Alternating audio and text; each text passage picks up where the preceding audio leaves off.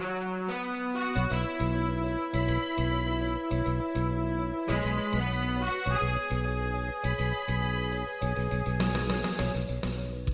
listening to Radio Free Asia. The following program is in Khmer.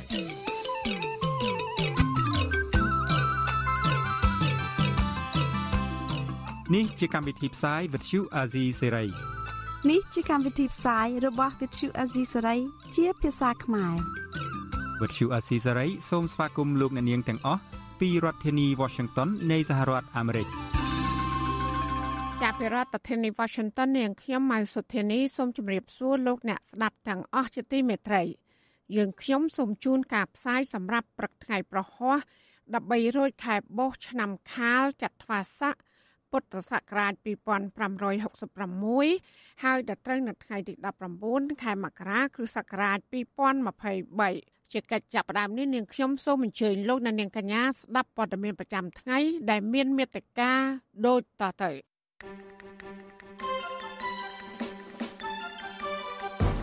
មន្ត្រីជាន់ខ្ពស់ក្រសួងកសិកម្មម្នាក់ទៀតអាចជាប់ពាក់ព័ន្ធនឹងក្រុមហ៊ុនរថពន្ធស្វាក្តាមគណៈបកភ្លើងទៀនបដិញ្ញារក្សាពង្រឹងជំហរក្នុងពេលគណៈបកកាន់អំណាចធ្វើទុកបុកម្នេញ លោកទាបាញ់ប្រើប្រាស់ស្ថាប័នការពារជាតិឃោសនារកសម្លេងឆ្នោតឲ្យគណៈបកកាន់អំណាចបរដ្ឋចំនួន3ឃុំនៅខេត្តកំពង់ស្ពឺត្អូញត្អែរឿងអាញាធរមិនបានដោះស្រាយក្រុមហ៊ុនបិទផ្លូវរាំងខ្ទប់ការធ្វើដំណើររួមនឹងព័ត៌មានសំខាន់សំខាន់មួយចំនួនទៀតការជាបន្តទៅទៀតនេះនាងខ្ញុំម៉ៃសុធានីសូមជូនព័ត៌មានទាំងនោះពឺស្ដាប់ លោកណានៀងជាទីមេត្រីមន្ត្រីជាន់ខ្ពស់ក្រសួងកសិកម្មម្នាក់ទៀតត្រូវបានរកឃើញថាទំនងអាចជាប់ពាក់ព័ន្ធនឹងក្រុមហ៊ុន ដែលរងការចាប់ប្រកាន់ថាបានរត់ពន្ធស្វាក្តាមទៅសហរដ្ឋអាមេរិកសកម្មជនបរិស្ថានយល់ឃើញថាស្វាក្តាមនៅតែអាចនាំចេញដល់ខុសច្បាប់ដោយសារតែរដ្ឋាភិបាលបានបង្កើតអំពើពុករលួយជាប្រព័ន្ធដើម្បីការពារមន្ត្រីខិលខូចហើយអំពាវនាវឲ្យប្រទេសទាំងអស់នៅលើពិភពលោក បញ្ឈប់ការនាំចូលស្វាពីប្រទេសកម្ពុជាចាសសេចក្តីរាយការណ៍ពីស្ដាមពីរឿងនេះលោកណានៀងនឹងបានស្ដាប់នាពេលបន្តិចទៀតនេះ thank you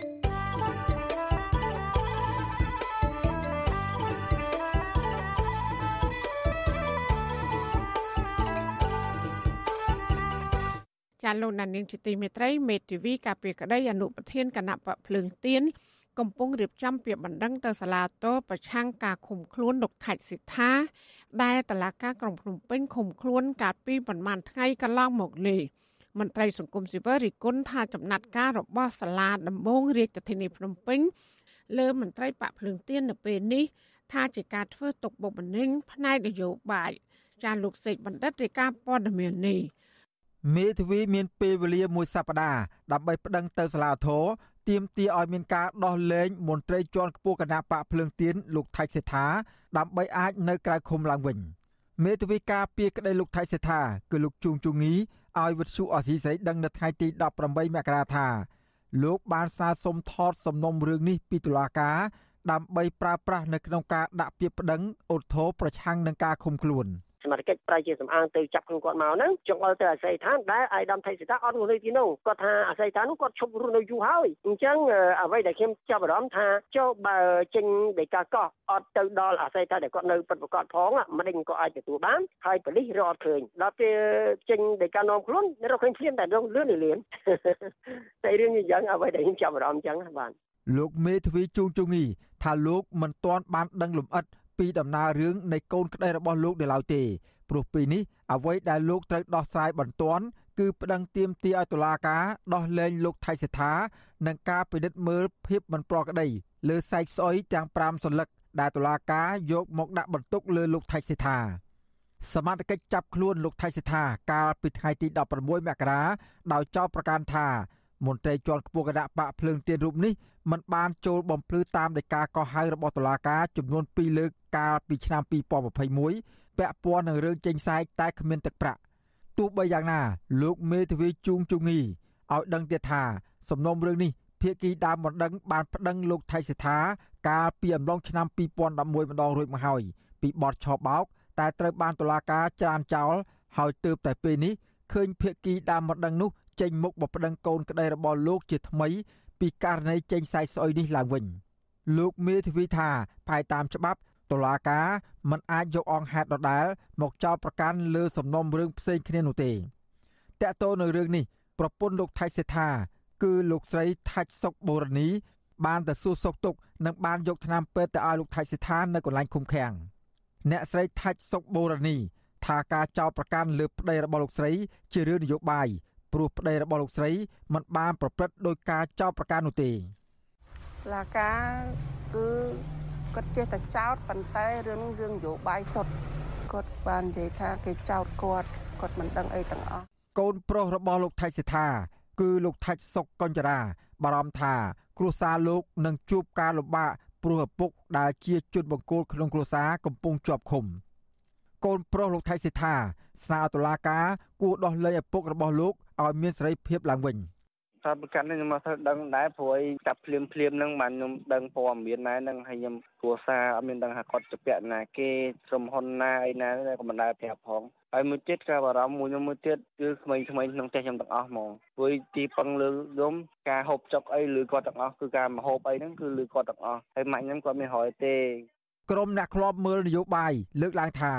ការចោទប្រកាន់លើលោកថៃសិដ្ឋានាពេលនេះ នឹងធ្វើឲ្យមតិជាតិនិងអន្តរជាតិមើលឃើញថាករណីនេះជាការដាក់សម្ពាធឬជាការគម្រិតកំហែងលើគណៈបកភ្លើងទៀនច្រើនជាងការអនុវត្តច្បាប់អ្នកនាំពាក្យសមាគមការពារសិទ្ធិមនុស្សអាត6លោកសង្សានករណាសង្កេតឃើញថាការចាត់វិធានការរបស់តុលាការមកលើលោកថៃសិដ្ឋាពោពេញទៅដោយចម្ងល់ជាច្រើនលោកបន្តថាបើផ្អែកតាមមេធាវីរបស់លោកថៃសិដ្ឋាលើកឡើងលើសំណុំរឿងនេះ ចាប់ផ្ដើមតាំងពីអំឡុងឆ្នាំ2011ប៉ុន្តែតុលាការមិនគួរអូសបន្លាយមកដល់ឆ្នាំ2019និងបន្តអូសបន្លាយរហូតមកដល់ឆ្នាំ2023នេះទេមន្ត្រីសង្គមស៊ីវិលរូបនេះក៏សម្គាល់ឃើញទៀតថាការអះអាងរបស់តុលាការពីការកោះហៅលោកថៃសិដ្ឋាចំនួន2លើកកាលពីខែកុម្ភៈនិងខែមិថុនាឆ្នាំ2021នោះហាក់មិនទំនងទេពីព្រោះកាលនោះប្រទេសកម្ពុជា ផ្ទុះរាលដាលជំងឺ Covid-19 ដែលរដ្ឋាភិបាលបានប្រើវិធានការបិទគប់តំបន់មួយចំនួនធំនៅក្នុងរាជធានីភ្នំពេញនិងបណ្ដាខេត្តនានាខាងគណៈបកជំទាស់ហ្នឹងអញ្ចឹងតលវិស័កនេះបើសិនជាខាងគណៈបកការដំណើរក៏ដូចជាខាងតឡាការប្រើវិធានការបែបនេះកាន់តែគេមើលឃើញថាបរិយាកាសនយោបាយក្នុងការប្រកួតប្រជែងផ្នែកនយោបាយការបោះឆ្នោតនាពេលខាងមុខមកដល់ហ្នឹងគឺជាបរិយាកាសមួយដែលកាន់តែអាប់អួរទៅហើយបាទតកតោនឹងរឿងនេះ វិទ្យុអសីស្រីនៅពុំទាន់អាចសុំការបំភ្លឺបន្ថែមពីប្រធានលេខាធិការដ្ឋានសាលាដំបងរាជធានីភ្នំពេញលោកអ៊ីរិនបានទេនៅថ្ងៃទី18មករាលោកថៃសេដ្ឋាជាថ្នាក់ដឹកនាំជាន់ខ្ពស់គណៈបកភ្លើងទៀនទី1ដែលត្រូវបានចាប់ខ្លួននិងជាមេដឹកនាំគណៈបកភ្លើងទៀនទី3ដែលជាប់បណ្ដឹងនៅតុលាការនៃរដ្ឋាភិបាលលោកហ៊ុនសែនខ្ញុំបាទសេកបណ្ឌិតវិទ្យុអសីស្រីពីរដ្ឋធានីវ៉ាស៊ីនតោន លោកណានីងជាទីមេត្រីពាក់ព័ន្ធនឹងគណៈបកភ្លើងទៀននេះដែរថ្នាក់ដឹកនាំបកនេះបញ្ជាក់ពីចំហរបស់ខ្លួន ថាគណៈបកប្រឆាំងនៅតែបន្តពង្រឹងចំហនិងរៀបចំរចនាសម្ព័ន្ធឲ្យកាន់តែរឹងមាំថែមទៀតសម្រាប់ត្រៀមខ្លួនចូលរួមការបោះឆ្នោតនាខែកក្កដាខាងមុខការប្រកាសបែបនេះស្របពេលដែលគណៈបកកណ្ដាលអំណាចដែលជាដៃគូប្រកួតប្រជែងកំពុងតែធ្វើទុកបុកម្នេញគណៈបកនេះ ចាអ្នកវិភាគថាគណៈបកភ្លើងទៀនប្រកាន់ជំហរបែបនេះ គឺជារឿងត្រឹមត្រូវចាលោកទីនសាករាមានសេចក្តីរាយការណ៍ជំវិញព័ត៌មាននេះមន្ត្រីជាន់ខ្ពស់គណៈបកភ្លើងទៀនអះអាងថាគណៈបកនេះមិនចោះញោមចំពោះការធ្វើទុកបុកម្នេញណាមួយមកលើមន្ត្រីរបស់ខ្លួនឡើយលោកសុនឆៃអនុប្រធានគណៈបកភ្លើងទៀនដែលកំពុងតែរងបណ្ដឹងពីគណៈបកប្រជាជនកម្ពុជាផងនោះអះអាងនៅថ្ងៃទី18មករាថាគណៈបកភ្លើងទៀននៅតែបន្តដំណើរទៅមុខ រក្សាចំហររឹងមាំនិងពង្រឹងសកម្មភាពរបស់ខ្លួនថែមទៀតដើម្បីបម្រើប្រទេសជាតិគណៈបកភ្លើងទៀននឹងគឺថារក្សាសាមគ្គីភាពនិងពង្រឹងកម្លាំងគ្រប់គ្រងរបស់ខ្លួនឲ្យកាន់តែរឹងមាំនេះជាការងារដែលយើងត្រូវធ្វើបើទោះបីជារងការលំបាកការគៀបសង្កត់យ៉ាងណាក៏ដោយចំហនៃសាមគ្គីភាពនិងការពង្រឹងសកម្មភាពរបស់គណៈបកនោះគឺជាមធ្យោបាយដែលអាចនឹងតេទៀងឲ្យ គណៈបកកណ្ដាលនឹងពិចារណាក្នុងការក្នុងការបន្ថយសកម្មភាពនៃការគម្រាមកំហែងបាទការបដិញ្ញាចិត្តរបស់លោកសុនឆៃនេះនៅស្របពេលគណៈបកភ្លើងទៀនកំពុងតែរងការធ្វើទុកបុកម្នេញពីគណៈបកកណ្ដាលអំណាចជាបន្តបន្ទាប់ក្នុងនោះរួមមានលោកសុនឆៃកំពុងតែរងបណ្ដឹងពីគណៈបកកណ្ដាលអំណាចដល់គណៈបកនេះប្តឹងទាមទារជំងឺចិត្តចំនួន1លានដុល្លាររឿងលោកសុនឆៃរិះគន់លទ្ធផលបោះឆ្នោតឃុំសង្កាត់ ឧត្តមទីប្រឹក្សាគណៈបកភ្លើងទៀនលោកកុងគំក៏រងបណ្ដឹងពីគណៈបកកណ្ដាលអំណាចដែរក្រៅពីនេះលោកនាយរដ្ឋមន្ត្រីហ៊ុនសែនក៏គម្រាមវាយខ្នោះលោកកុងគំថែមទៀតរឿងលោករិះគន់ប្រវត្តិបង្កើតគណៈបកប្រជាជនកម្ពុជា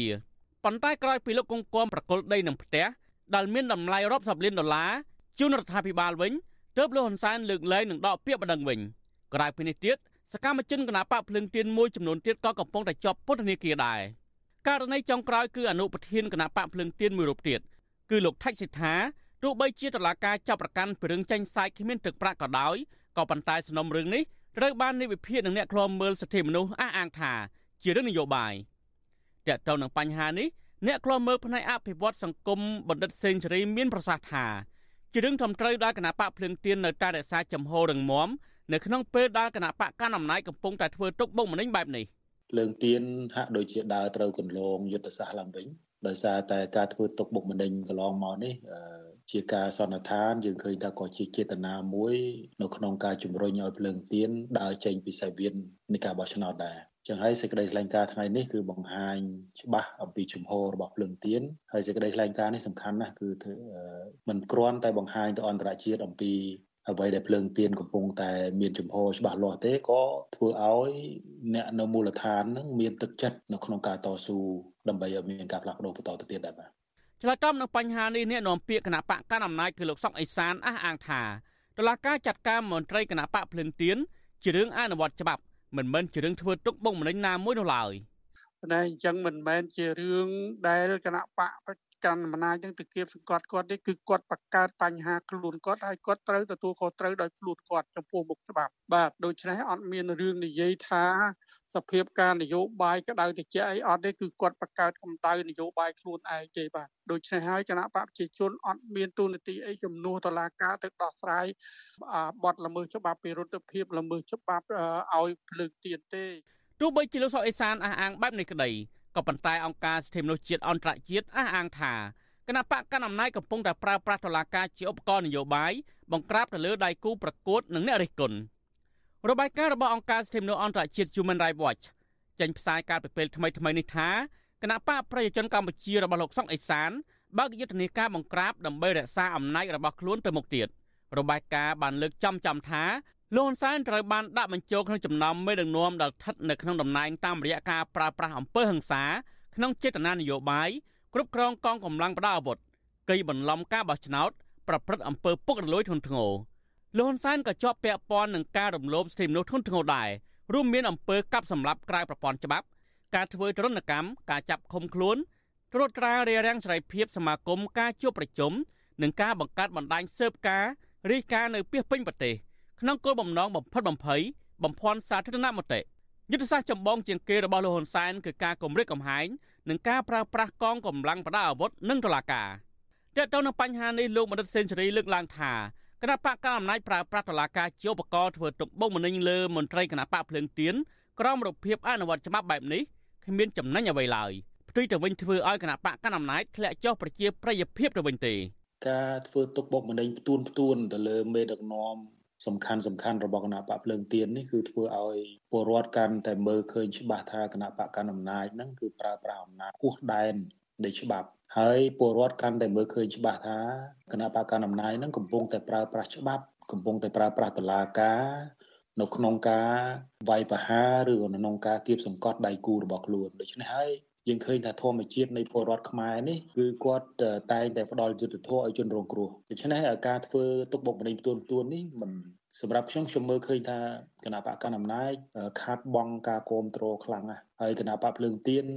នឹងទទួលបានការគ្រប់គ្រងច្រើនណាស់ដោយសារតែដោយសារតែអ្វីដែលកើតឡើងពីការគៀបសង្កត់របស់គណៈបកកណ្ដាលអំណាចហ្នឹងបាទលោកសុនឆៃបានថែមថាទោះបីជាគណៈបកភ្លើងទៀនកំពុងតែប្រឈមនឹងការគម្រិតកំហែងបែបនេះក្តី គណៈបកភ្លើងទៀនក៏ស្វាស្វែងរកការសន្ទនាជាមួយគណៈបកកណ្ដាលអំណាចដើម្បីឲ្យការបោះឆ្នោតនៅពេលខាងមុខគ្មានការគម្រិតកំហែងនិងការធ្វើទុកបុកម្នេញណាមួយកើតឡើងឆ្លើយតបនឹងបញ្ហានេះលោកសុងអេសានបញ្ជាក់ថាគណៈបកប្រជាជនកម្ពុជានឹងមិនចរចាជាមួយគណៈបកភ្លើងទៀនឡើយលោកអះអាងថាកម្ពុជាមានសុខសន្តិភាព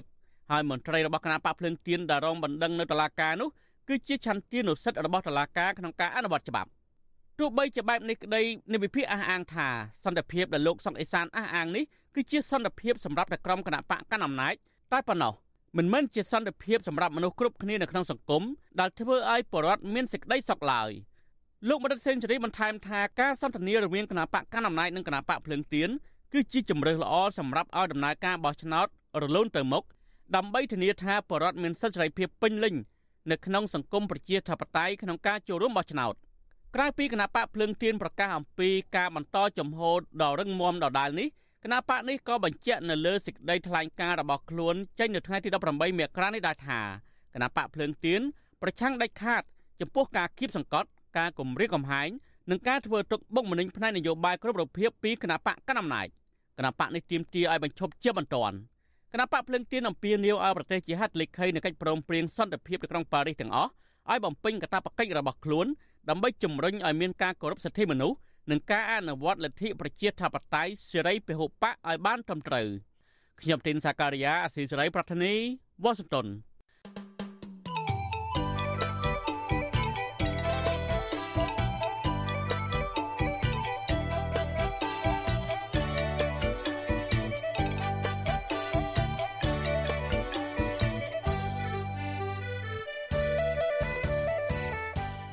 ចាលោកនាងជាទីមេត្រីស្របពេលដែលការបោះឆ្នោតជ្រើសតាំងតំណាងរាស្ត្រកាន់តែខិតជិតមកដល់ហើយការប្រគល់ប្រជែងនយោបាយកំពុងតែឡើងកម្ដៅនោះថ្នាក់ដឹកនាំកម្ពុជាកម្ពុជារបស់គណៈបកកណ្ដាលអំណាចទំនងបារម្ភពីការធ្លាក់ចុះនៃសម្លេងគាំទ្រទៅនាំគ្នាឃោសនារកសម្លេងឆ្នោតខុសពីរដូវកាលបន្ទាប់ពីមេបកកណ្ដាលអំណាចលោកនាយករដ្ឋមន្ត្រីហ៊ុនសែន ចេញមុខឃោសនារកការគាំទ្រមុនកាលកំណត់ឥឡូវនេះចូលដល់វេនមន្ត្រីជាន់ខ្ពស់ដែលបានប្រើប្រាស់ស្ថាប័នការពារជាតិឃោសនារកសម្លេងគ្រប់គ្រងនៅមុនការកំណត់នេះដែរ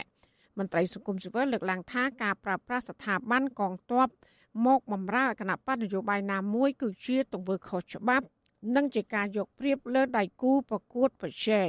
ចាអ្នកស្រីសុជីវីរាយការណ៍ព័ត៌មាននេះមិនខុសពីលោកហ៊ុនសែនឡើយ រដ្ឋមន្ត្រីក្រសួងការពារជាតិលោកទាបាញ់បានប្រើប្រាស់វេទិកាសាធារណៈអំពាវនាវឲ្យប្រជាពលរដ្ឋបោះឆ្នោតឲ្យគណៈបកប្រជាជនកម្ពុជា ដើម្បីបដូរយកសន្តិភាព ដែលជាយីហោឈានមុខគេប្រចាំគណៈបកកាន់អំណាចរដ្ឋមន្ត្រីក្រសួងការពារជាតិលោកទាបាញ់ថ្លែងនៅចំពោះមុខនីតិហ៊ាននិងពលទាហានជាច្រើន ក្នុងពិធីរំលឹកខួបលើកទី44នៃទិវាជ័យជំនះ7មករានៅខេត្តកោះកុងកាលពីថ្ងៃទី17ខែមករា ដោយប្រើប្រាស់វេទិកានេះរំលឹកគុណគណៈបកប្រជាជនកម្ពុជា ដែលបានរំដោះកម្ពុជាឲ្យរួចផុតពីរបបខ្មែរក្រហម និងលើកសរសើរថាក្រោមការដឹកនាំរបស់លោកហ៊ុនសែនទើបកម្ពុជាមានសន្តិភាពលោកថាប្រជាពលរដ្ឋត្រូវថែរក្សាសន្តិភាពនេះតាមរយៈការបោះឆ្នោតឲ្យគណៈបកប្រជាជនកម្ពុជា នៅថ្ងៃបោះឆ្នោតថ្នាក់ជាតិខែកក្កដាខាងមុខនេះ។ ងាយបំផុតតែការចូលរួមដ៏មានប្រសិទ្ធភាពបំផុតនោះគឺឡើងស្រាប់ហើយថ្ងៃ23កក្កដាខាងមុខនេះមានការបោះឆ្នោតបើយើងគឺថាសុខកាយសុខចិត្តទាំងអស់គ្នាទៅចូលរួមជួបោះឆ្នោតជូនគណៈបកប្រជាជននោះហើយជាការរួមចំណែកថែរក្សានៅសុខតិភាពរបស់យើងយ៉ាងពេញលេញបាទកាលពីខែធ្នូឆ្នាំ2017លោកហ៊ុនសែនបានប្រកាសឲ្យកងទ័ពត្រូវតែអព្យាក្រឹតតែចំពោះមុខគណៈបកនយោបាយតែប៉ុណ្ណោះប៉ុន្តែ មិនអាចអព្យាក្រឹតចំពោះរដ្ឋាភិបាលឡើយពីព្រោះកងទ័ពបង្កើតឡើងសម្រាប់ការពាររដ្ឋាភិបាលស្របច្បាប់ទោះយ៉ាងនេះក្តីក្នុងជួរកងទ័ពនាយទាហានជាន់ខ្ពស់ភៀកច្រើនសុទ្ធតែមានតួនាទីនៅក្នុងជួរគណៈបកប្រជាជនកម្ពុជា និងខ្លះទៀតជាកូនចៅរបស់លោកហ៊ុនសែនរួមមានលោកហ៊ុនម៉ាណែតជាដើមទន្ទឹមគ្នានេះក្រុមនាយទាហានខ្លះទៀតដែលមានភក្តីភាពជាមួយគ្រួសារលោកហ៊ុនសែនបានធ្វើសច្ចាប្រណិធាន បដូរផ្ដាច់ការពារគ្រួសារលោកហ៊ុនសែនផងដែរ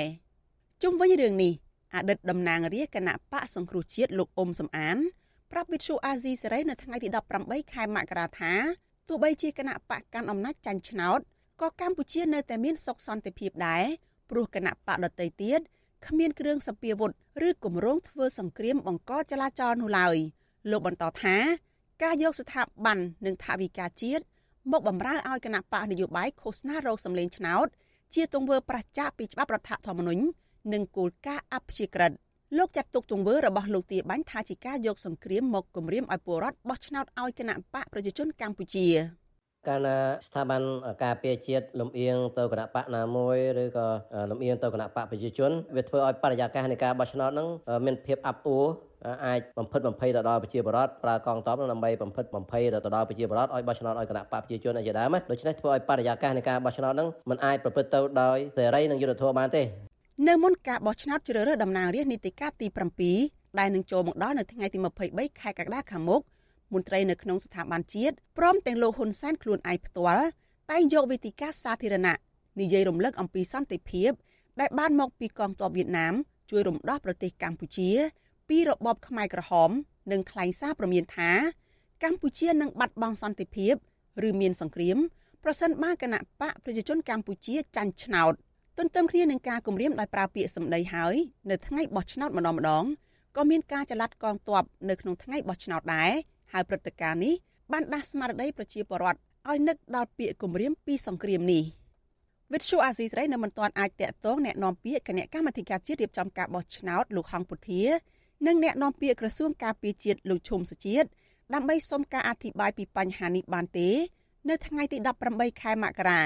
ជុំវិញរឿងនេះនាយកប្រតិបត្តិអង្គការ Netflix លោកសំគុណធីមីមានប្រសាសន៍ថា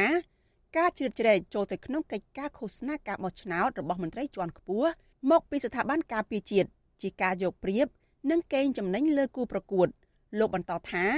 ស្ថាប័នការពារជាតិគួររក្សាគោលជំហរអព្យាក្រឹត្យ និងគោរពតាមរដ្ឋធម្មនុញ្ញដើម្បីឲ្យការបោះឆ្នោតថ្នាក់ជាតិខាងមុខប្រកបដោយសេរី ត្រឹមត្រូវនិងយុត្តិធម៌ច្បាប់មានណាបាទសូម្បីតែសម្ដេចឆ្លាហោសតេអីក៏បានបាទពីវាដែរឲ្យធ្វើមិនឲ្យទៅតាមច្បាប់ទាំងមន្ត្រីរាជការស៊ីវិលអីក៏ដោយណាបើសិនជាលោកចង់ទៅចូលរួមឃោសនាជួយនយោបាយតែយើងសុំច្បាប់ជួពីមន្ត្រីរាជការហ្នឹងច្បាប់ទៅតម្លៃអញ្ចឹងបាទក៏ជបបានកំណត់យកថ្ងៃអាទិត្យទី23ខែកក្កដាឆ្នាំ2023នេះ ជាការបរិច្ឆេទបោះឆ្នោតជ្រើសតាំងតំណាងរាស្ត្រសម្រាប់នីតិកាលទី7ក្នុងមាត្រា10នៃច្បាប់ស្តីពីលក្ខន្តិកៈទូទៅចំពោះយោធិននៃកងយោធពលខេមរៈភូមិន្ទចែងថាយោធាម្នាក់ម្នាក់អាចមានគំនិតនិងជំនឿដែលមានលក្ខណៈជាទស្សនវិជ្ជាឬនយោបាយផ្ទាល់ខ្លួនបានប៉ុន្តែពុំអាចសម្ដែងជាសាធារណៈបានឡើយទោះជាបែបនេះក្តីកន្លងមករដ្ឋមន្ត្រីក្រសួងការពារជាតិលោកទាបាញ់ តែងតែចេញមុខការពារនិងឃោសនាឲ្យគណៈបកកណ្ដាលអំណាចនៅមុនការបោះឆ្នោតម្ដងម្ដង ជាឧទាហរណ៍កាលពីឆ្នាំ2017ក្នុងការបោះឆ្នោតឃុំសង្កាត់លោកទាបាញ់បានប្រមានប្រើអំពើហិង្សាការបង្ហូរឈាម និងវាយបំបែកថ្មិញចំពោះអ្នកតវ៉ាប្រឆាំងលទ្ធផលនៃការបោះឆ្នោតនាងខ្ញុំសុជីវីវិទ្យុអាស៊ីសេរីពីរដ្ឋធានី Washington លោកណានៀងជាទីមេត្រីមន្ត្រីជាន់ខ្ពស់ក្រសួងកសិកម្មម្នាក់ទៀត ត្រូវបានរកឃើញថាទំនងអាចជាប់ពាក់ព័ន្ធនឹងក្រុមហ៊ុន ដែលរងការចាប់ប្រកាន់ថាបានរត់ពន្ធស្វាក្តាមទៅសហរដ្ឋអាមេរិកសកម្មជនបរិស្ថានយល់ឃើញថាស្វាក្តាមនៅតែអាចនាំចេញដល់ខុសច្បាប់ដោយសារតែរដ្ឋាភិបាលបានបង្កើតអំពើពុករលួយជាប្រព័ន្ធដើម្បីការពារមន្ត្រីខិលខូចហើយអំពាវនាវឲ្យប្រទេសទាំងអស់នៅលើពិភពលោកបញ្ឈប់ការនាំចូលស្វាពីប្រទេសកម្ពុជា។ ចាប់ពីរដ្ឋធានី Washington លោកមានរិទ្ធមានសេចក្តីរាយការណ៍ជុំវិញព័ត៌មាននេះដូចតទៅអគ្គនាយកនៃអគ្គនាយកដ្ឋានផលិតកម្មនិងបសុព្យាបាលនៃក្រសួងកសិកម្មរុក្ខាប្រមាញ់និងនេសាទលោកសែនសវណ្ណត្រូវបានគេសង្ស័យថាបានប្រើប្រាស់ទូនាទីរបស់ខ្លួន ចេញលិខិតបញ្ជាក់សុខភាពសត្វស្វាក្តាមខុសច្បាប់ដើម្បីអាចនាំចេញទៅសហរដ្ឋអាមេរិកនិងមានទំនាក់ទំនងផ្នែកអាជីវកម្មជាមួយស្ថាបនិកក្រុមហ៊ុននាំចេញសត្វស្វាក្តាមដោយខុសច្បាប់ទិន្នន័យអាជីវកម្មឆ្នាំ2019របស់អង្គការផ្សព្វផ្សាយទិន្នន័យសាជីវកម្មសាធារណៈ Open Corporates បង្ហាញថាលោកសែមសវណ្ណគឺជាម្ចាស់ភាគហ៊ុនមួយរូបនៅក្នុងក្រុមហ៊ុននាំចេញនាំចូលឈ្មោះ PNC Import Export ដែលជាក្រុមហ៊ុនរកស៊ីចិញ្ចឹមសត្វកម្រនិងសត្វចម្រុះផ្សេងៗនិងមានទំនាក់ទំនងជាមួយលោក Chemman Sanglau ស្ថាបនិកក្រុមហ៊ុន Vani Bio Research ដែលជាក្រុមហ៊ុនរងនឹងការចោទប្រកាន់ពីរដ្ឋអាជ្ញាសហរដ្ឋអាមេរិកថាពាក់ព័ន្ធនឹងបណ្ដាញរត់ពន្ធសត្វស្វាក្តាមខុសច្បាប់ទៅសហរដ្ឋអាមេរិក ការនាំចេញស្វាក្តាមទៅសហរដ្ឋអាមេរិកអាចធ្វើឡើងដោយស្របច្បាប់បានប្រសិនបើសត្វស្វាក្តាមគឺជាសត្វស្វាចិញ្ចឹមពីកសិដ្ឋាន មិនមែនជាស្វាដែលគេចាប់មកពីព្រៃនោះទេដើម្បីអាចនាំស្វាក្តាមទៅសហរដ្ឋអាមេរិកសម្រាប់ការស្រាវជ្រាវផ្នែកវិទ្យាសាស្ត្របានក្រុមហ៊ុនដែលធ្វើអាជីវកម្មលើសត្វស្វាក្តាមត្រូវមានឯកសារបញ្ជាក់ចំនួន2សន្លឹកទៅដល់អាជ្ញាធរសហរដ្ឋអាមេរិក ឯកសារទី1គឺជាលិខិតអនុញ្ញាតដែលចេញក្រោមអនុសញ្ញាការពារសត្វនិងរុក្ខជាតិជិតផុតពូជឬហៅកាត់ថា CITES លិខិតអនុញ្ញាតនេះបញ្ជាក់ថាសត្វស្វាដែលត្រូវនាំចេញ គឺជាស្វាចំនួនទី2ដែលត្រូវបានបង្កើតនិងចិញ្ចឹមនៅក្នុងក្រុមហ៊ុននាំចេញ ហើយត្រូវបានចុះហត្ថលេខាដោយការិយាល័យ CITES របស់ប្រទេសនាំចេញ ឯកសារទី2គឺជាឯកសារបញ្ជាក់ថាសត្វស្វានាំចេញ មានសុខភាពល្អដែលចេញដោយអគ្គនាយកដ្ឋានផលិតកម្មនិងបសុព្យាបាលនៃក្រសួងកសិកម្មរុក្ខាប្រមាញ់និងនេសាទដែលដឹកនាំដោយលោកសែនសវណ្ណ អតីតសាស្ត្រាចារ្យនៅសាកលវិទ្យាល័យ Washington សហរដ្ឋអាមេរិកអ្នកស្រី Lisa John Angel ដែលបានស្រាវជ្រាវទៅលើសត្វស្វាជាង30ឆ្នាំរួមទាំងសត្វស្វានៅកម្ពុជាផងដែរនោះយល់ឃើញថាការពាក់ព័ន្ធផ្នែកអាជីវកម្មរបស់លោកសែនសវណ្ណនិងទំនាក់ទំនងជាមួយលោក Jem Man Sang Lau បង្ហាញពីទំនាស់ផលប្រយោជន៍ អ្នកស្រីបន្ថែមថានៅពេលដែលអ្នកចេញលិខិតបញ្ជាក់វិញ្ញាបនបត្រសុខភាពសត្វស្វាដើម្បីនាំចេញនិងអ្នករកប្រាក់ចំណេញពីការនាំចេញសត្វស្វាគឺជាមនុស្សតែមួយនោះការនេះមិនមែនជារឿងល្អនោះទេ ហើយវាគឺជារឿងដែលគួរឲ្យអាម៉ាស់ ឆ្លើយតបទៅនឹងការលើកឡើងទៅនេះអគ្គនាយកនៃអគ្គនាយកដ្ឋានផលិតកម្មនិងបសុព្យាបាលនៃក្រសួងកសិកម្មរុក្ខាប្រមាញ់និងនេសាទលោកសាន់សវណ្ណបានប្រាប់វិសុយអស៊ីស្រីតាមសារទូរស័ព្ទថាលោកបានដកខ្លួនចេញពីក្រុមហ៊ុននាំចេញនាំចូលឈ្មោះ PNC Import Export នេះតាំងពីឆ្នាំ2016មកម្លេះដោយលោកបានលក់ភាគហ៊ុននេះទៅឲ្យជនជាតិកាណាដាម្នាក់ឈ្មោះ Khal Ip លោកបានបដិសេធថាលោកមិនមានទំនាក់ទំនងជិតស្និទ្ធជាមួយលោក Chairman Sang Lau នោះឡើយទោះជាយ៉ាងណាបញ្ជីពាណិជ្ជកម្មរបស់ក្រសួងពាណិជ្ជកម្មកម្ពុជាមិនមានឈ្មោះលោក Khal Ip ឈរឈ្មោះជាម្ចាស់ភាគហ៊ុននៅក្នុងក្រុមហ៊ុននេះទេ ដោយក្រុមហ៊ុននេះមានម្ចាស់ភាគហ៊ុនម្នាក់ទៀតក្រៅពីលោកសែនសវណ្ណគឺលោក Chemman Sanglau ដែលជាស្ថាបនិករបស់ក្រុមហ៊ុន Wanni Bio Research ដែលនាំសត្វស្វាក្តាមទៅសហរដ្ឋអាមេរិក ក្រសួងយុទ្ធភ័ពអាមេរិកកាលពីខែវិច្ឆិកាឆ្នាំ2022បានចោទប្រកាន់លោក Chemman Sanglau រួមជាមួយនឹងបុគ្គលិករបស់គាត់ចំនួន5នាក់និងមន្ត្រីក្រសួងកសិកម្មកម្ពុជាជាន់ខ្ពស់2នាក់ទៀតថាបានពាក់ព័ន្ធទៅនឹងការនាំចេញសត្វស្វាក្តាមដោយខុសច្បាប់ចំនួនរាប់ម៉ឺនក្បាលទៅកាន់សហរដ្ឋអាមេរិក វិសុយស៊ីស្រីមិនអាចតាក់ទងแนะនាំពាក្យក្រសួងកសិកម្មរុក្ខាប្រមាញ់និងនេសាទអ្នកនាងអឹមរចនាដើម្បីសុំការបកស្រាយជុំវិញរឿងនេះបាននៅឡើយទេ នៅថ្ងៃទី18ខែមករាជុំវិញរឿងនេះស្ថាបនិកអង្គការមេដាធម្មជាតិលោក Alejandro Gonzalez Davidson យល់ឃើញថាការរកឃើញនេះគឺជាភ័ស្តុតាងបញ្ជាក់អំពីវិនិស្សកម្មសត្វស្វាក្តាមនៅប្រទេសកម្ពុជា ដែលត្រូវបានក្រុមឈ្មួញទុច្ចរិតនិងមន្ត្រីខិលខូច ខូបខិតគ្នាជួញដូរដោយខុសច្បាប់ទោះជាយ៉ាងណាលោកយល់ឃើញថារដ្ឋាភិបាលកម្ពុជានឹងបន្តការពារមន្ត្រីនិងឈ្មួញខលខូចព្រោះរដ្ឋាភិបាលនេះបានបង្កើតឲ្យមានអំពើពុករលួយជាប្រព័ន្ធដើម្បីការពារគ្នាទៅវិញទៅមក និងយកលុយពីអំពើពុករលួយទាំងនេះឧបត្ថម្ភទៅគណៈបកប្រជាជនកម្ពុជា នៅក្នុងយុទ្ធនាការបោះឆ្នោត ក្នុងនាមជាសកម្មជនបរិស្ថាននិងជាអ្នកស្រឡាញ់សត្វព្រៃលោក Alex សំណូមពរឲ្យបណ្ដាប្រទេសទាំងអស់នៅលើពិភពលោកបញ្ឈប់ការនាំចូលសត្វស្វាជាបន្ទាន់ដើម្បីធានាដល់សុវត្ថិភាពស្វាក្តាមនៅក្នុងប្រទេសកម្ពុជាគណៈបកប្រជាជនដាច់ខាតត្រូវទទួលតាវិការពីក្រុមហ៊ុនធំធំនៅកម្ពុជា ជាពិសេសក្រុមហ៊ុនដែលប្រព្រឹត្តសកម្មភាពខុសច្បាប់ឧទាហរណ៍ថាកាប់ឈើបូមខ្សាច់ក៏ច្បាប់នាំចេញទៅសិង្ហបុរីឬក៏បូមខ្សាច់តាមទន្លេមេគង្គ លុបបឹងជួនដូរសាស្វាទៅអាមេរិកហ្នឹងគឺក្រុមហ៊ុនដែលពាក់ព័ន្ធទៅលើសកម្មភាពកខ្វក់ឬក៏សកម្មភាពខុសច្បាប់ហ្នឹងត្រូវតែជួយទៅលើបកប្រជាជនពេលត្រូវតែជួយទៅលើពេលដោយសារនេះគឺជារដ្ឋាភិបាលមួយដែលមិនមែនត្រឹមប្រាជ្ញាទេគឺជារដ្ឋាភិបាលដែលស្ថិតតែដាក់លើហ្នឹងគឺស្ថិតតែមនុស្សរស់ស៊ីខុសច្បាប់ស្ថិតតែជើងកាងស្ថិតតែ mafia ហ្នឹងស្ថិតតែ gangster ហ្នឹងការរកឃើញថ្មីនេះគឺជាភ័ស្តុតាងថ្មីបន្ថែមទៀត ពីលើការចោទប្រកាន់របស់ក្រសួងយុទ្ធភ័ពសហរដ្ឋអាមេរិកទៅលើមន្ត្រីជាន់ខ្ពស់នៃក្រសួងកសិកម្មកម្ពុជា2នាក់កន្លងមកដែលជាប់ពាក់ព័ន្ធជាមួយនឹងការជួញដូរស្វាក្តាមដោយខុសច្បាប់បុគ្គលទាំងពីររូបនោះគឺម្នាក់ជាប្រធាននាយកដ្ឋានសត្វព្រៃនិងជីវៈចម្រុះនៃក្រសួងកសិកម្មគឺលោកគ្រីម៉ាផល និងម្នាក់ទៀតជាអគ្គនាយករដ្ឋបាលព្រៃឈើ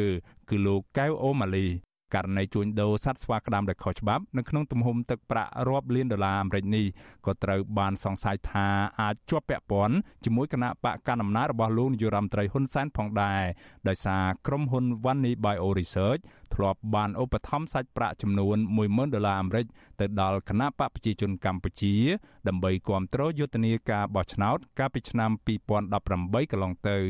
ខ្ញុំបាទមេរិតពីរដ្ឋធានី Washington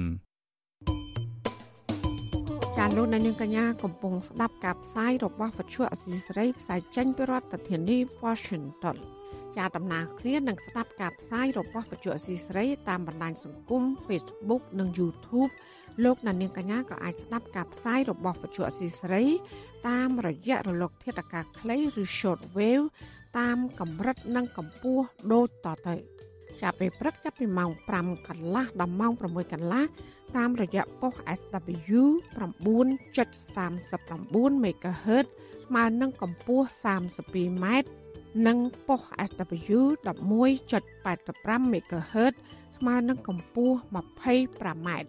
ចាសសម្រាប់ពេលយប់វិញចាប់ពីម៉ោង7កន្លះដល់ម៉ោង8កន្លះតាមរយៈប៉ុស SW 9.39 MHz ស្មើនឹងកម្ពស់ 32m ប៉ុស SW 11.88 MHz ស្មើនឹងកម្ពស់ 25m និងប៉ុស SW 15.15 MHz ស្មើនឹងកម្ពស់ 20m ចាសសូមអរគុណចាលោកនានីជាទីមេត្រីសហជីពត្រីកម្មករនៃប្រជាណាចក្រកម្ពុជា និងប្រគួប19ឆ្នាំនៃឃាតករបាញ់សម្លាប់លោកជាវិជា នៅព្រឹកថ្ងៃទី22ខែមករាក្រោយពីបានការអនុញ្ញាតពីអាជ្ញាធររាជធានីភ្នំពេញ។ អគ្គហិរញ្ញិករបស់សហជីពត្រីកម្មករនៃប្រជាណាចក្រកម្ពុជា អ្នកស្រីសំស្រីមុំប្រពន្ធអសីស្រីថាខាងសហជីពបានព្រមព្រៀងគ្នាជាមួយសាលារាជធានីភ្នំពេញ ក្នុងការប្រពខួប19ឆ្នាំនៃគិតកោបាញ់សម្លាប់លោកជាវិជាអតីតប្រធានសហជីពត្រីកម្មករនៃប្រជាណាចក្រកម្ពុជានៅទីកន្លែងតាំងរូបសំណាករបស់លោក ដែលស្ថិតនៅខាងលិចវិមានឯករាជ្យ អ្នកស្រីថាពិធីនេះគឺជាការរំលឹកពីវីរភាពរបស់លោកជាវិជា និងដើម្បីជំរុញទៅអាជ្ញាធររដ្ឋាភិបាលឲ្យបន្តរកយុត្តិធម៌ដល់រូបលោក ហើយនិងក្រុមគូសាយើងមិនអាចបំភ្លេចបានទេពីព្រោះអីជាវិជាគឺជាវីរៈជនរបស់កម្មករដែលទាមទារឲ្យតាក់ទងនឹងលក្ខខណ្ឌការងារកម្មករកែប្រែលក្ខខណ្ឌការងារកម្មករដែលមានការប្រសើរឡើងជាពិសេសតាក់ទងនឹងសិទ្ធិការងារ ក៏ដូចជាប្រជាប្រជាធិបតេយ្យដែរនៅក្នុងវិស័យការងារអញ្ចឹងយើងអាចបំភ្លេចបានទេគាត់នៅតែជាវិជ្ជាជំនាញកម្មករអ្នកស្រីសំស្រីមុំឲ្យដឹងដែរថាថ្ងៃប្រពខូបនេះក៏ជាឱកាសសម្រាប់ឲ្យសាច់ញាតិមិត្តភ័ក្តិក្រុមសហជីពនិងកម្មករ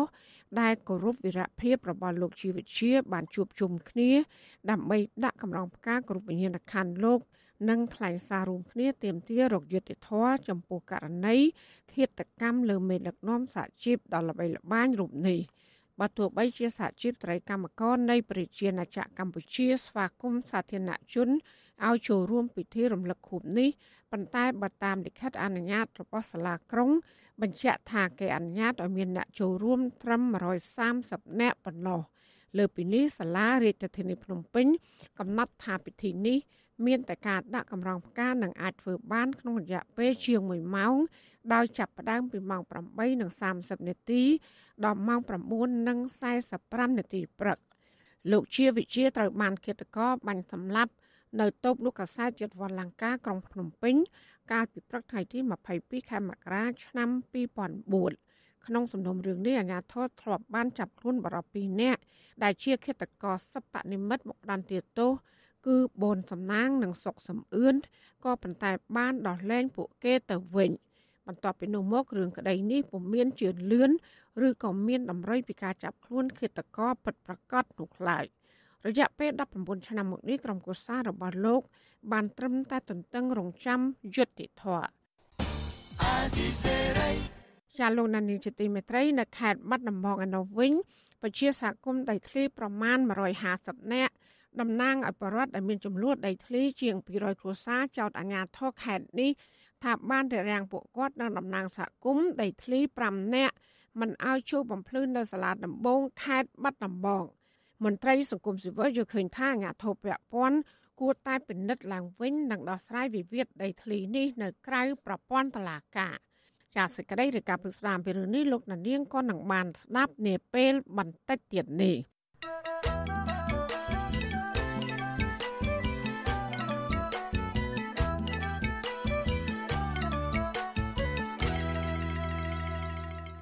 ចាលោកនានីជាទីមេត្រីប្រជាប្រដ្ឋរស់នៅចំនួន3ឃុំក្នុងខេត្តកំពង់ស្ពឺនៅតែទន្ទឹងរង់ចាំដំណោះស្រាយពីអាជ្ញាធរខេត្តនេះជាង1ឆ្នាំមកហើយតាក់ទិនករណីក្រុមហ៊ុនឯកជន បន្តបិទផ្លូវសាធារណៈមួយខ្សែដោយរាំងខ្ទប់ការធ្វើដំណើរការដឹកកសិផល និងសកម្មភាពសេដ្ឋកិច្ចរបស់អ្នកស្រុក អ្នកភូមិរអ៊ូថាសិស្សសាលាក៏បានបង្ខំចិត្តឈប់រៀនដោយសារតែពិបាកធ្វើដំណើរទៅសាលាតាមផ្លូវវាងក្រោយពីបានបិទផ្លូវចាប់ពីរដ្ឋធានី Washington លោកលេងម៉ាលីរាយការណ៍ព័ត៌មាននេះនៅភូមិរាប់រយគ្រួសាររស់នៅឃុំចំនួន3គឺឃុំយីអងឃុំអមលៀងនិងឃុំ8មុំស្រុកថ្ពងខេត្តកំពង់ស្ពឺត្អូញត្អែអំពីទុកលំបាកវេទនាផ្នែកជីវភាពនិងការធ្វើដំណើរក្រោយពីក្រុមហ៊ុនភ្នំពេញ Sugar របស់អង្គញាលីយ៉ុងផាត់ បន្តបិទផ្លូវសាធារណៈមួយខ្សែជាង2ឆ្នាំមកហើយអ្នកភូមិថាកន្លងទៅពលរដ្ឋជាង150នាក់បានលើកគ្នាតវ៉ានៅសាលាខេត្តកំពង់ស្ពឺ និងសាលាស្រុកថ្ពងដើម្បីឲ្យអាជ្ញាធរដោះស្រាយបញ្ហានេះក៏ប៉ុន្តែមកទល់ពេលនេះគ្មានបានផលឡើយតំណាងពលរដ្ឋលោកមុំសាវីប្រាប់វិទ្យុអស៊ីសេរីនៅថ្ងៃទី18មករាថាផ្លូវចាស់មួយខ្សែដែលក្រុមហ៊ុនបិទគឺជាសរសៃឈាមសេដ្ឋកិច្ចយ៉ាងសំខាន់របស់អ្នកស្រុក ដឹកកសិផលនិងធ្វើចរាចរណ៍ជាដើមក៏ប៉ុន្តែក្រោយពីក្រុមហ៊ុនបិទផ្លូវនេះអ្នកភូមិលំបាកវេទនាដោយត្រូវបង្ខំចិត្តធ្វើដំណើរតាមផ្លូវវាង មានភក់ល្បាប់និងជង្ហុកច្រើនលោកបន្ថែមថាគ្រួសារលោកមានដីស្រែចម្ការកេឪពុកម្ដាយស្ថិតក្នុងដីសម្បត្តិរបស់ក្រុមហ៊ុនភ្នំពេញ Sugar នេះតែក្រោយពីក្រុមហ៊ុនបិទផ្លូវពួកលោកពិបាកចេញចូលទៅស្រែចម្ការ គេតមកពីដីសារគ្រាន់តែទៅដូចដាក់ទៅឆ្ងាត់ចឹងធ្វើដល់មានមកស្រ័យឲ្យសំប្រាប់ឲ្យជារដ្ឋណាគាត់ធ្វើដំណើរណាប្របួនថាអត់និយាយទៅដាក់ដាក់ចោលហ្មង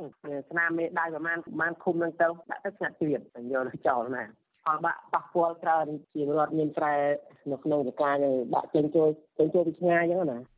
នៅរយៈពេល2ឆ្នាំចុងក្រោយនេះអ្នកភូមិជាង300គ្រួសារបានលើកគ្នាតវ៉ាផ្តិតមេដៃដាក់ញត្តិ ចំនួន3ដងមកហើយទៅអាជ្ញាធរខេត្តកំពង់ស្ពឺនិងការិយាល័យតំណាងរាស្ត្រខេត្តដើម្បីស្នើសុំឲ្យជួយធ្វើអន្តរាគមន៍ទៅក្រុមហ៊ុនឲ្យបើកផ្លូវឡើងវិញអ្នកភូមិចាត់ទុកទង្វើរបស់អង្គញាលីយ៉ុងផាត់ថាធ្វើបាបពលរដ្ឋក្រីក្រហើយពលរដ្ឋខ្លះមានជំងឺពិបាកនឹងបញ្ជូនទៅសង្គ្រោះមិនទាន់លោកមុំសាវីបន្ថែមថាសិស្សសាលាជាអ្នករងគ្រោះធ្ងន់ជាងគេព្រោះមិនអាចតស៊ូមករៀនធ្វើដំណើរតាមផ្លូវវាងជាច្រើនគីឡូម៉ែត្រលោកថាផ្លូវដែលក្រុមហ៊ុនបិទ ជាផ្លូវលំដែលអ្នកភូមិធ្វើដំណើរតាំងពីយូរយារមក មានប្រវែងជាង7គីឡូម៉ែត្រទៅទឹង5ម៉ែត្រឆ្ពោះទៅចំណុចភ្នំព្រះរីឯអ្នកស្រុកតែងតែនាំគ្នាធ្វើបុណ្យទាននៅតំបន់បុរាណស្ថានភ្នំព្រះ តែក្រោយពីក្រុមហ៊ុនបិទផ្លូវពួកគាត់ពុំសូវបានធ្វើដំណើរទៅធ្វើបុណ្យទានបែបព្រះពុទ្ធសាសនានៅតំបន់ភ្នំព្រះនោះឡើយតែសាលានឹងជូនម៉ែជូនមកយ៉ាងតែវាងឹតងឹតយ៉ាងហ្នឹងតែខ្លះឈប់រៀនទៅអីអស់ជូនមកដើរអីទៅវិញដល់ពេលចាញ់ ទៅចាំយកកន្លែងខ្លោវាក្រុមហ៊ុននឹងវិញថាមិនវាធ្វើឲ្យយើងយូរយើងស្ទះហ្នឹង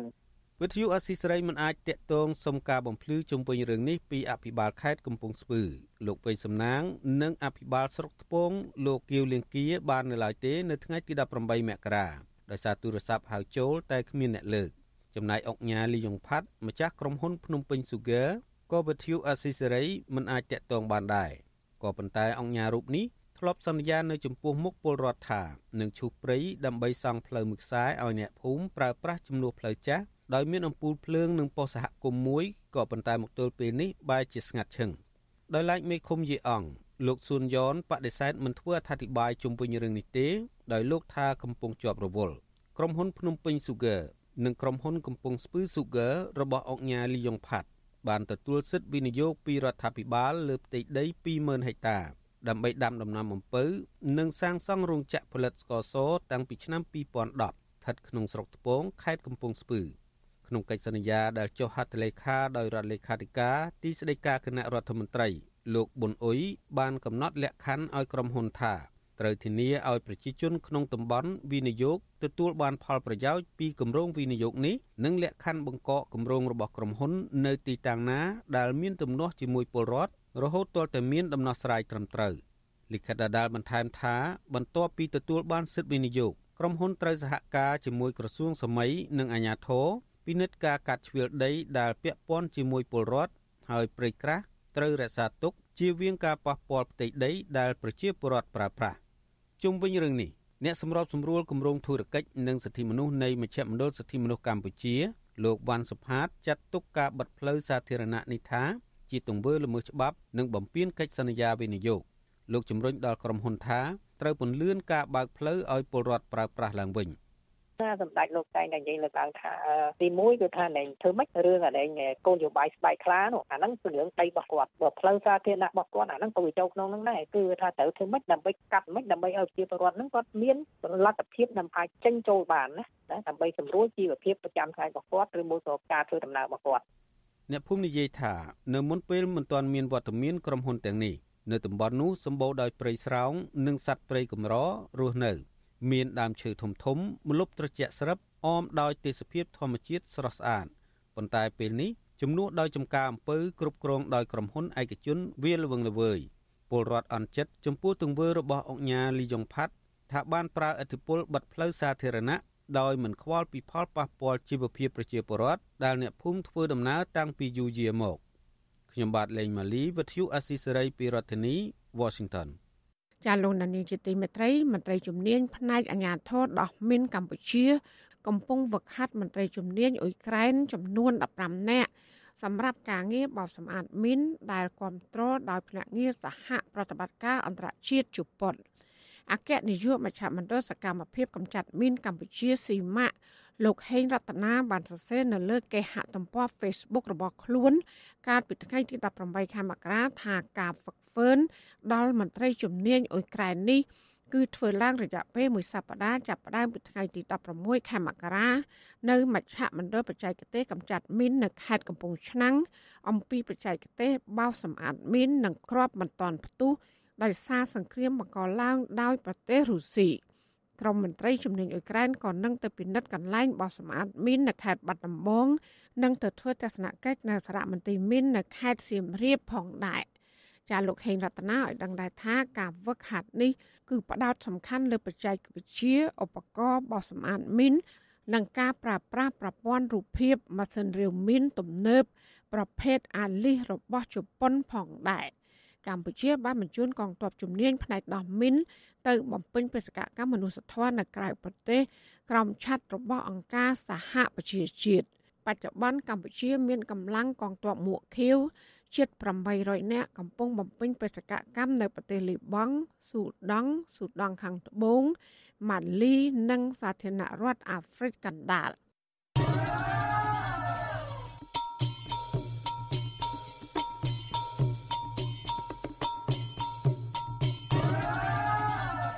ចាលោកដានីជាទីមេត្រីនៅឯប្រទេសថៃពលករខ្មែរដែលធ្វើការលក់កម្លាំងនៅប្រទេសថៃ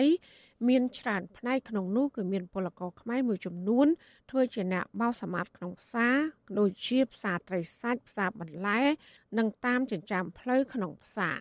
ពួកគាត់ខំប្រឹងធ្វើការនេះមិនហ៊ានឈប់សម្រាកដើម្បីដោះស្រាយជីវភាពក្នុងគ្រួសារប្រចាំថ្ងៃ ចាលោកទីនសាការីយ៉ារាយការណ៍ព័ត៌មាននេះ កម្មករបោះសម្អាតក្នុងផ្សារត្អូញត្អែអំពីការលំបាកក្នុងការស្វែងរកប្រាក់ចំណូលមកផ្គត់ផ្គង់គ្រួសារប្រចាំថ្ងៃពលករម្នាក់ធ្វើការនៅប្រទេសថៃ7ឆ្នាំមកហើយមកពីស្រុកចំការលើខេត្តកំពង់ចាមលោកនូច័ន្ទប្រាំវិទ្យុអាស៊ីសេរីថាពីមុនលោកបានធ្វើការនៅរោងចក្រកែច្នៃស្បែកគោក្នុងខេត្តសមុទ្រប្រាកានហើយផ្លាស់មកធ្វើការជាកម្មករបោះសម្អាតនៅផ្សារបន្លែខេត្តបឋមធានី តាំងពីផ្ទុះការរាតត្បាតជំងឺ Covid-19 មក បរិះវ័យជាង50ឆ្នាំរំនេះបន្តថាលោកធ្វើការមួយថ្ងៃបានប្រាក់ជិត500បាតស្មើនឹងជាង40000រៀលប៉ុន្តែមិនមានប្រាក់សល់នោះទេដោយសារតែចំណាយហូបចុកប្រចាំថ្ងៃថ្លៃបន្ទប់ជួល និងចំណាយលើថ្លៃឯកសារក្នុងមួយឆ្នាំ17000បាតឬស្មើនឹង500ដុល្លារលោកបានថែមថាលោកមិនអាចរកការងារធ្វើនៅក្នុងស្រុកបានទើបធ្វើចំណាក់ស្រុកមកធ្វើការនៅប្រទេសថៃប ធ្វើការនៅប្រទេសខ្មែរដល់និយាយទៅវាវានិយាយមិនចាញ់មិនដល់វានិយាយកើតអត់អត់ហ៊ាននិយាយបើណាចេះតែធ្វើធ្វើការដល់លុយចាំគ្រួសារទៅវាមានឯងវាចេះផ្ដាសាយឈឺអីកាត់អីលោកនោះច័ន្ទនៅប្រទេសថៃជាមួយនឹងកូន2នាក់ទៀតតែនៅខេត្តផ្សេងគ្នារីឯប្រពន្ធនិងកូន4នាក់ទៀតនៅឯកម្ពុជា ហើយពួកគេមកធ្វើការនៅរោងចក្រនៅទីក្រុងភ្នំពេញប្រហាក់ប្រហែលគ្នាដែរពលករណីម្នាក់ទៀត មកពីស្រុកបាធាយខេត្តកំពង់ចាមធ្វើការលាងសម្អាតផ្សារត្រីសាច់នៅខេត្តបឋមធានីលោកស្រីយុនកេតឲ្យដឹងថាលោកស្រីនឹងប្តីធ្វើការក្នុងប្រទេសថៃជិត10ឆ្នាំមកហើយដោយធ្វើជាអ្នកសម្អាតកន្លែងលក់ត្រីសាច់ឯប្តីលោកស្រីជាអ្នកលាងសម្អាតធុងសម្រាមលោកស្រីថាលោកស្រីម្នាក់ធ្វើការបានជិត500បាតក្នុងមួយថ្ងៃលោកស្រីពោលថានៅស្រុកខ្មែរធ្វើស្រែបានផលលក់មិនចំណេញហើយកាន់តែចម្ពាក់បំណុលវាន់ក ទើបលោកស្រីសម្រេចធ្វើចំណាក់ស្រុកមកធ្វើការនៅប្រទេសថៃស្ត្រីសម្បល់ស្រអែមរូបនេះបន្តថាលោកស្រីធ្វើការនៅទីនេះមានក្លិនស្អុយឆ្អាបតែទ្រាំធ្វើដើម្បីរកប្រាក់ដោះបំណុលនិងផ្គត់ផ្គង់ជីវភាពគ្រួសារប្រចាំថ្ងៃ។ផ ងរួចទៅយើងបានសល់សល់ក៏នឹងហូបតិចតិចដែរណាបើយើងចាស់ចាស់យើងនៅខ្មែរយើងដឹងរកអីចាយើងរកអីបើយើងចាស់ហើយនៅស្រុកខ្មែរគួដកដលងគួយើងមានកលាំងឬចន្ទទីគួយើងនៅនេះទៅយើងធ្វើការទៅមួយខែយើងឈប់ពីរថ្ងៃមួយថ្ងៃយើងទៅកម្មកបោះសម្អាតផ្សារនេះធ្វើការក្នុងមួយខែសល់លុយពី2000ទៅ3000បាត និងខែខ្លះបានផ្ញើទៅគ្រួសារនៅស្រុកកំណើត ខ្លះទៀតពុំមានប្រាក់សន្សំនោះទេលោកស្រីយុនកេតអាយុ53ឆ្នាំមានកូន3នាក់កំពុងតែរស់នៅស្រុកខ្មែរហើយកូនច្បងជាអ្នកមើលការខុសត្រូវផ្ទះសម្បែងនិងមានដីស្រែកន្លះហិកតាចំណែកស្ត្រីក្រមុំចាស់ម្នាក់ទៀតធ្វើការជាអ្នកបោះសម្អាតតាមចិញ្ចើមផ្លូវក្នុងផ្សារបឋមធានីដែរគឺកញ្ញាលីកន្ធាអាយុ41ឆ្នាំមកពីស្រុកព្រៃឈរខេត្តកំពង់ចាមនិយាយទាំងញញឹមស្ងួតថា កញ្ញាបោះសម្អាតតាមផ្លូវក៏មានការហត់នឿយខ្លះដែរហើយពេលខ្លះមានជនជាតិថៃស្ដីបន្ទោសថាបោះសម្អាតមិនល្អទៀតផងកញ្ញាបន្តថាក្រៅពីការងារបោះសម្អាតកញ្ញាក៏ដើររើសឥតចាយដែលរកចំណូលបានពីការរើសឥតចាយនេះក្នុងមួយខែប្រមាណជា2000បាតកញ្ញាបន្ថែមថាកញ្ញានឹងវិលទៅស្រុកកំណើតវិញ នៅពេលខាងមុខដើម្បីថែទាំម្ដាយ។ មានពិបាកគ្រាន់តែថាមនុស្សយើងតាមសយវាមានបញ្ហាថៃវាវាវាឃើញយើងបោះមិនស្អាតមុខចំណាលឹកធ្លាក់អីចឹងយើងចំណាយើងបោះហើយវាបោះមុខក្នុងហងដាក់មុខយើងក៏មានចឹងណាវាមិនស្រួលទេ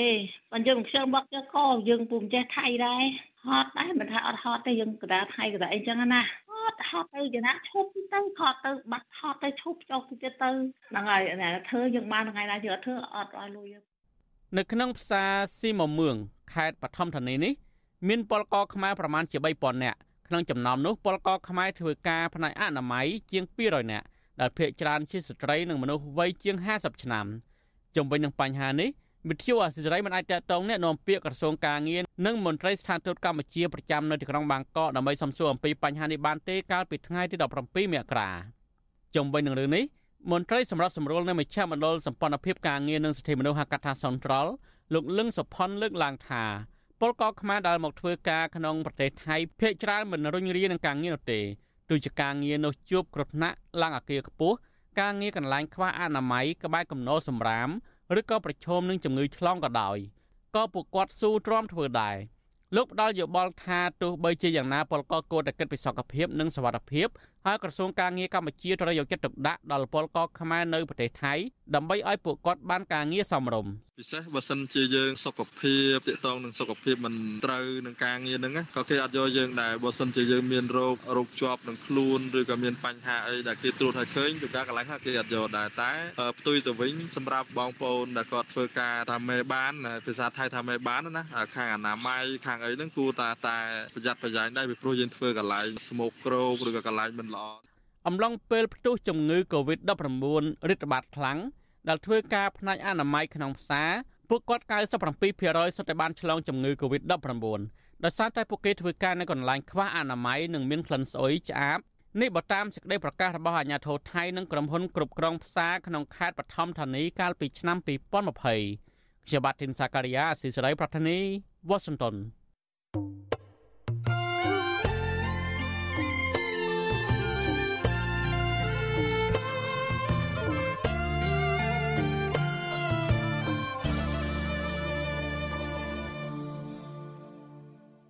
ចាលោកណានីជាទីមេត្រីនៅខេត្តបាត់ដំបងឯនោះវិញពជាសហគមន៍ដីធ្លីប្រមាណ150នាក់តំណាងឲ្យបរដ្ឋដែលមានចំនួនដីធ្លីជាង200គ្រួសារចោតអាជ្ញាធរខេត្តនេះថាបានរារាំងពួកគាត់និងតំណាងសហគមន៍ដីធ្លី5នាក់មិនឲ្យជួបបំភ្លឺនៅសាលាដំបងខេត្តបាត់ដំបងមន្ត្រីសង្គមស៊ីវិលយល់ឃើញថាអាជ្ញាធរពាក់ព័ន្ធគួរតែពិនិត្យឡើងវិញនិងដោះស្រាយវិវាទដីធ្លីនេះនៅក្រៅប្រព័ន្ធតុលាការ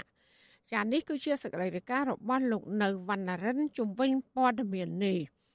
ពលរដ្ឋមានចំនួនដីធ្លីជាង200គ្រួសាររស់នៅក្នុងភូមិភ្នំរីឃុំតាតោកស្រុកសំឡូតបានប្រមូលផ្ដុំគ្នានៅមុខសាលាដំបងខេត្តបាត់ដំបងដើម្បីលើកទឹកចិត្តនិងឃ្លាំមើលតំណាងរបស់ពួកគេដែលចូលបំភ្លឺនៅថ្ងៃទី18មករាតាមបណ្ដឹងរបស់ប្រធានមន្ទីរកសិកម្ម ពីបទចូលរំលោភកាន់កាប់និងប៉ះពាល់សិទ្ធិនៃទ្រព្យសម្បត្តិសាធារណៈប្រឆាំងនឹងមន្ត្រីរាជការនិងមានស្ថានទម្ងន់ទោស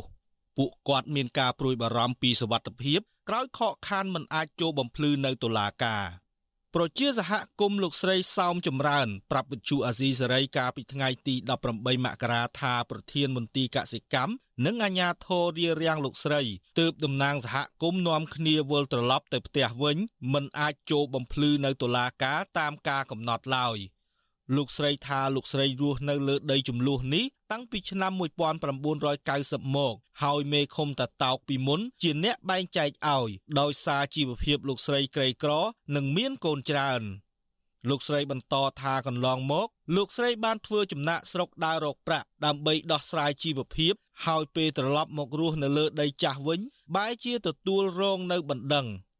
គាត់ក៏រើអូសដីប្រជាពលរដ្ឋយកទៅដាក់ក្រុមហ៊ុនអញ្ចឹងណាដល់ពេលជិះទៅកាប់ព្រៃកាប់អីអញ្ចឹងទៅវាកាប់ឈើធំធំអីអស់ហាកន្លែងខ្ញុំខាននៅយូរអញ្ចឹងវាដុះព្រៃខ្លះអញ្ចឹងណាក្មួយដល់ពេលខ្ញុំធ្វើផ្ទះធ្វើអីនៅក្មួយដាក់បថៅចោលក្បិតចោលអីយករបស់ប្រជាពលរដ្ឋអស់ហើយមិនសល់ទេហើយថារលឈូសឆាយកាប់ផ្ទះប្រជាពលរដ្ឋឲ្យចូលដំណាក់កាលព្រឹកមិញនេះតំណាងប្រជាពលរដ្ឋនោះ5នាក់ប្រជាពលរដ្ឋឲ្យចូល5នាក់ប៉ុន្តែប្រជាពលរដ្ឋគាត់ចង់ចូលការពារបងប្អូនយើង5នាក់ហ្នឹងគាត់ចង់ទៅអែបរបងណែនៅមាត់ទ្វារអីចឹងណាបើសិនជាសភាតំណាង5នាក់ហ្នឹងហើយហើយគាត់សូមស្នើបងប្អូនយើងទាំង5នាក់ហ្នឹងត្រឡប់ទៅផ្ទះវិញ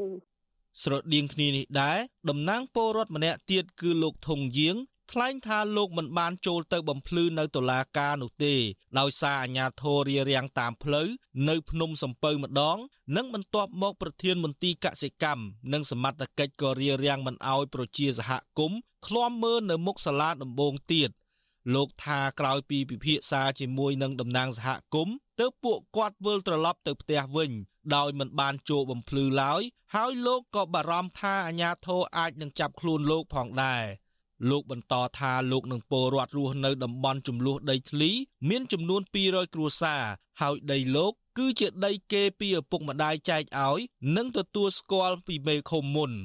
គេខាងសមាជិកគេនិងខាងមេព្រៃខាង PM អីគេទៅខាត់គេទៅប្រលប់យើងអីហ្នឹងយើងខាត់មកឲ្យយើងធ្វើមកឲ្យយើងអីហ្នឹងណាបងដល់ពេលអញ្ចឹងខ្ញុំក៏ខ្ញុំក៏មិនដឹងរឿងដែរដល់ពេលលងបានប្រហែលប្រហែលខែគេយករាជការក៏ហៅពីតុលាការទៅហើយខ្ញុំលងពៀនដីសាធារណៈខ្ញុំមកឲ្យទូគេទៅគេថាគេអត់ឲ្យចូលអារឿងមនុស្សច្រើនហ្នឹងហើយបងដល់ពេលអញ្ចឹងខ្ញុំចូលទៅដើរទៅមកតុលាការមិនឲ្យបងប្អូនយើងឈួរនៅមាត់លបងឯងបងតែបងប្អូនយើងសុំធួអមមកកន្លែងមាត់លបងហ្នឹងមិនមែនទៅធួក្នុងលបងទេគ្រាន់តែឈួរនៅក្រៅហ្នឹងគ្រាន់តែឈួរមើលមើលតំណាងយើងចូលមកអ្នកហ្នឹងដល់ពេលអញ្ចឹងគេអត់ឲ្យចូលដល់ពេលអញ្ចឹងមានតែធ្វើតាមដំណើរតំណាងអัยការអមសាលាដំបងខេត្តបាត់ដំបងលោកនុតវិនិតកាលពីថ្ងៃទី10មករាកន្លងទៅ បានកោះហៅតំណាងប្រជាសហគមន៍5នាក់ឲ្យចូលខ្លួនដើម្បីបំភ្លឺនៅថ្ងៃទី18ខែមករានេះតាមបណ្ដឹងរបស់លោកឈឹមវូជារាប្រធានមន្ទីរកសិកម្មខេត្តបាត់ដំបង ពីបទចូលរំលោភកាន់កាប់ និងប៉ះពាល់ដីនៃសម្បត្តិសាធារណៈ ប្រឆាំងរាជការសាធារណៈនិងមានស្ថានទម្ងន់ទោសដែលប្រព្រឹត្តទៅនៅភូមិអូតាទៀកឃុំតាតោកស្រុកសំឡូតខេត្តបាត់ដំបង ចន្លោះខែតុលាដល់ខែធ្នូឆ្នាំ2022ប្រជាសហគមន៍ចំនួន5នាក់ដែលទទួលបានដីកាកោះពីតុលាការ រួមមានលោកធុងយាង លោកស្រីមាសទូច លោកស្រីមាសរស្មី និងមនុស្សមួយចំនួនទៀត ឆ្លើយតបនឹងរឿងនេះប្រធានមន្ទីរកសិកម្មរុក្ខាប្រមាញ់និងនេសាទលោកឈឹមវូជរាប្រាប់វិទ្យុអាស៊ីសេរីថាលោកមិនបានរៀបរៀងប្រជាពលរដ្ឋនោះឡើយលោកគ្រាន់តែប្រាប់ពលរដ្ឋដែលមានឈ្មោះឲ្យចូលបំភ្លឺតែប៉ុណ្ណោះនឹងមិនអាចឈរប្រមូលផ្ដុំគ្នានៅមុខសាលាដំបងបាននោះទេ លោកថាប្រជាពលរដ្ឋដែលនាំគ្នារំលោភយកដីធ្លីសាធារណៈរបស់រដ្ឋកន្លងមកមានត្រឹមតែជាង100គ្រួសារតែប៉ុណ្ណោះហើយមានប្លង់កម្មសិទ្ធិ12ប្លង់លោកចាត់ទុកពលរដ្ឋដែលមកតវ៉ាថាជាការសម្ដែងបោកប្រាស់ហើយលោកនឹងចាត់វិធានការតាមផ្លូវច្បាប់ ដីនោះដីឯកជនរបស់រដ្ឋដីមានបានកម្មសិទ្ធិយើងចូលទៅគាត់ប្រឆាំងយើងគាត់ប្រឆាំងអ្នករាជការគាត់រើសរាំងយើងឲ្យគាត់រុះរើគាត់អត់ព្រមរុះរើគាត់ចាប់ផ្ដើមរកមន្ត្រីចុងខែ10ឆ្នាំ2022នេះចូលកាន់កាប់ដោយខុសច្បាប់មានមេខ្លោងឲ្យត្រឹមត្រូវប្រមាណអ្នកនោះកោះអញ្ជើញហ្នឹងសុំឲ្យទៅបំភ្លឺទៅបំភ្លឺមុខអាយកាទៅបើថាគាត់ថាអះអាងថាដីហ្នឹងគាត់កាន់កាប់អីមិនមិនយកឯកសារពាក់ព័ន្ធអីមកដាក់តទល់គ្នាទៅខ្ញុំមានមេធាវីរបស់រដ្ឋបាលខេត្តក្នុងនាមមន្ត្រីក្នុងនាមក្រសួងអញ្ចឹងបើគាត់ក្លាហានគាត់ចូលទៅបើទោះជាមានការលើកឡើងរបស់ប្រធានមន្ទីរកសិកម្មរុក្ខាប្រមាញ់និងនេសាទខេត្តបាត់ដំបងដោយអះអាងថាមានបានសម្គាល់កម្មសិទ្ធិកាន់កាប់អចលនវត្ថុនៅឆ្នាំ2017ក៏ដោយប៉ុន្តែមន្ត្រីសង្គមស៊ីវិលនៅតែយល់ថាភៀកគីដើមបណ្ដឹងមិនគួរទៅបង្ហាញខ្លួនណែនាំឲ្យអ្នកចូលបំភ្លឺនៅតុលាការនោះឡើយ។ អ្នកសម្របសម្រួលសមាគមការពារសិទ្ធិមនុស្សអាត6ប្រចាំខេត្តបាត់ដំបង លោកយិនមេងលី មានប្រសាសន៍ថាការអះអាងរបស់តំណាងភៀកគីទាំងពីរផ្ទុយគ្នាប៉ុន្តែពលរដ្ឋក៏មានលិខិតកាន់កាប់ដីធ្លី ដែលទទួលស្គាល់ពីមេឃុំចាស់និងខ្លះមានមេឃុំថ្មី ហើយខាងមន្ទីរក៏មានឯកសារបញ្ជាក់ផងដែរលោកយល់ថាខាងមន្ទីរមិនគួរដោះស្រាយជាមួយពលរដ្ឋតាមប្រព័ន្ធតុលាការបែបនោះទេ លោកបន្តថាអាញាធរពពាន់គួរពិនិត្យនិងសិក្សាឲ្យស៊ីជម្រៅដើម្បីសម្របសម្រួល និងកំណត់អត្តសញ្ញាណពលរដ្ឋដែលមានកម្មសិទ្ធិកាន់កាប់ពិតប្រាកដ។ ប្រជាពលរដ្ឋដែលមានពាក្យសុំការកាប់ប្រើប្រាស់របស់គាត់នឹងគាត់ធ្វើក្នុងឆ្នាំ2005 2016តែគាត់ថាគាត់រស់នៅតាំងពីឆ្នាំ1990ជាងនៅទីនោះចឹងបានន័យថាមុនការធ្វើបានកម្មសិទ្ធិរបស់មន្ទីរចឹងថាតើពេលដែលធ្វើបានកម្មសិទ្ធិហ្នឹងខាងមន្ទីរលោកបានពិនិត្យមើលទេថាតើមានប្រជាពលរដ្ឋប្រមាណដែលរស់នៅលើដីហ្នឹងរស់នៅជាក់ស្ដែងហើយគាត់បានដាំដុះប្រើប្រាស់នៅពេល2017ចុងហ្នឹងវាក្រោយការរស់នៅឬក៏ក្រោយការដែលគាត់មានពាក្យសុំការកាប់ទេដីឯកជនរបស់រដ្ឋយើងអាចតែតាមលើច្បាប់គឺអាចឲ្យទៅជាកម្មសិទ្ធិណាគេអាចដោះដូរគេអាចផ្ទេរគេអាចឲ្យបានតើដីហ្នឹងកុំឲ្យទៅដីសាធារណៈរបស់បរដ្ឋពលរដ្ឋនិងសង្គមស៊ីវិលទទូចដល់អាជ្ញាធរគួរពិនិត្យដោះស្រាយដោយសន្តិវិធីក្រៅផ្លូវតុលាការដើម្បីឲ្យពលរដ្ឋអាចរស់នៅប្រកបរបរដោះស្រាយជីវភាពតាមរយៈការផ្ដល់សិទ្ធិស្របច្បាប់ បន្តធ្វើកសិកម្មចិញ្ចឹមគ្រួសារខ្ញុំបាទនៅវណ្ណរិន with Chu Azizi Saray ពីរដ្ឋធានី Washington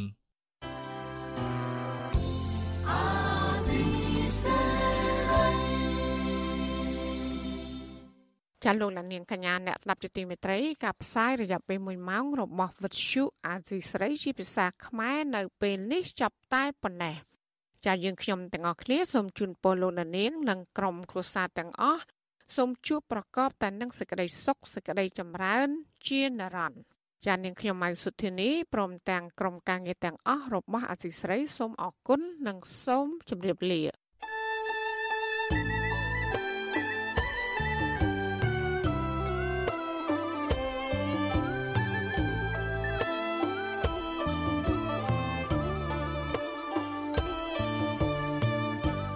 វិទ្យុអេស៊ីសរ៉ៃផ្សាយតាមរលកធារកាសខ្លីឬ shortwave តាមកម្រិតនិងកម្ពស់ដូចតទៅនេះ ពេលព្រឹកចាប់ពីម៉ោង5កន្លះដល់ម៉ោង6កន្លះតាមរយៈប៉ុស SW 9.39 MHz ស្មើនឹងកម្ពស់ 32m និងប៉ុស SW 11.85 MHz ស្មើនឹងកម្ពស់ 25m ពេលយប់ចាប់ពីម៉ោង7កន្លះដល់ម៉ោង8កន្លះតាមរយៈប៉ុស SW 9.39 MHz ស្មើនឹងកម្ពស់ 32m ប៉ុស SW 11.88 MHz ស្មើនឹងកម្ពស់ 25m និងប៉ុស SW 15.15 MHz ស្មើនឹងកម្ពស់ 20m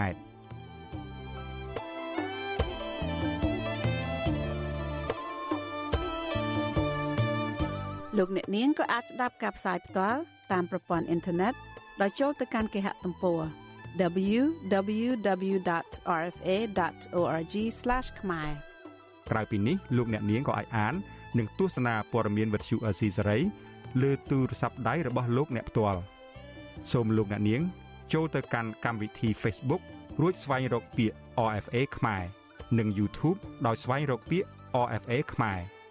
សូមលោកអ្នកនាងចុច like និងចុច subscribe ដើម្បីទទួលបានព័ត៌មានថ្មីៗ